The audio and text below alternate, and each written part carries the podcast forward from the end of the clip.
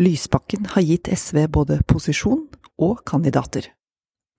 Jeg heter Anne Ekornholmen, og i dag er det 9. november. God synlighet og bevisst lagbygging stiller SV i en god posisjon når de skal velge etterfølger etter Audun Lysbakken. Når Audun Lysbakken går av som leder for SV ved landsmøtet i mars neste år, trenger han ikke uroe seg. Verken for partiets posisjon i norsk politikk eller for kommende kandidater til å lede SV videre.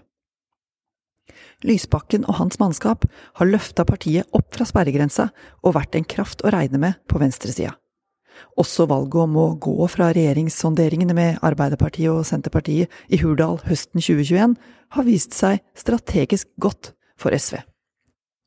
Under slagordet For de mange, ikke for de få, og fra opposisjonsplassen til venstre for Støre-regjeringa, har SVs armslag har SV armslag til å fronte egne saker. De er konsistente på budskapet om solidaritet og sosial utjevning, og kritiserer regjeringa fritt i klima- og miljøspørsmål. Ikke minst har SV profilert seg på kritikk av manglende styring i energipolitikken.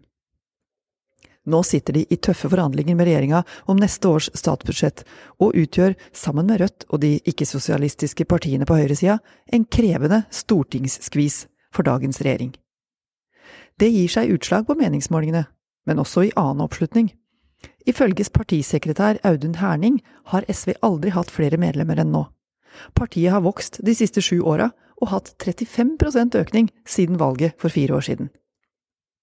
Medlemmene har slutta tett opp om den nå avtroppende partilederen Audun Lysbakken.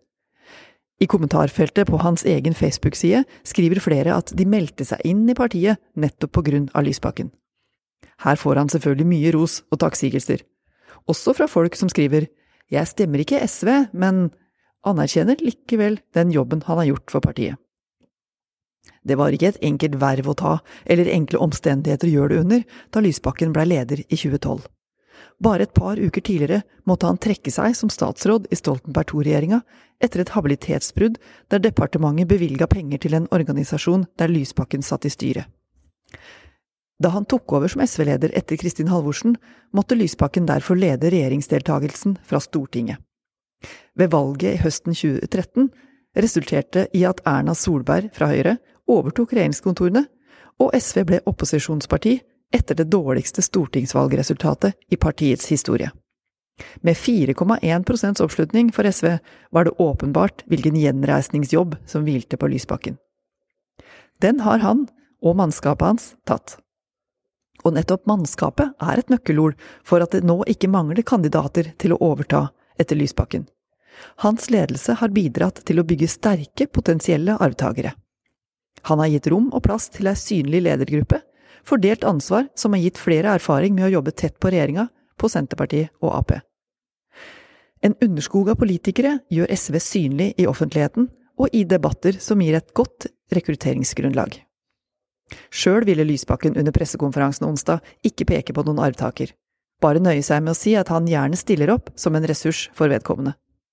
Og vedkommende kan bli dagens nestleder Kirsti Bergstø, som var konstituert leder da Lysbakken nylig var i foreldrepermisjon, eller det kan bli finanspolitisk talsperson Kari Elisabeth Kaski. Eller nestleder og forhandlingsleder Torgeir Knag Fylkesnes.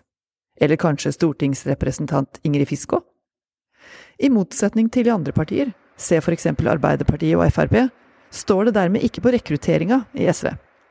Det finnes flere lederemner, sjøl om verken Bergstø, Kaski eller Fylkesnes lanserte sitt kandidatur umiddelbart.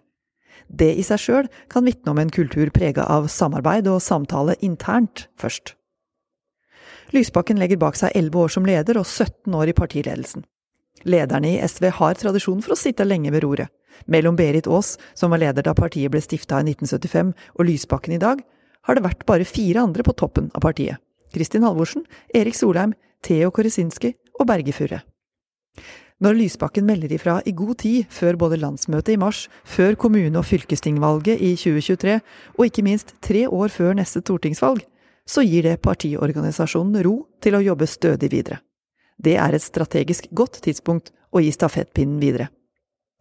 Og så begrunnes avgangen altså i ønsket om å være mer sammen med familien, med små unger, i et døgn som bare har 24 timer, også for politikere. Det er gledelig å se menn som faktisk trer av sine topposisjoner for å prioritere det viktigste i livet. Et viktig signal for mange, skriver en på Facebook. God SV-politikk er det i alle fall, i stil med resten av Audun Lysbakkens politikergjerning. Nå har du hørt Nasjonen på øret, og vil du ha flere kommentarer fra oss rett inn der du hører, får du dem på nasjon.no, eller der du finner podkast. Ha dem!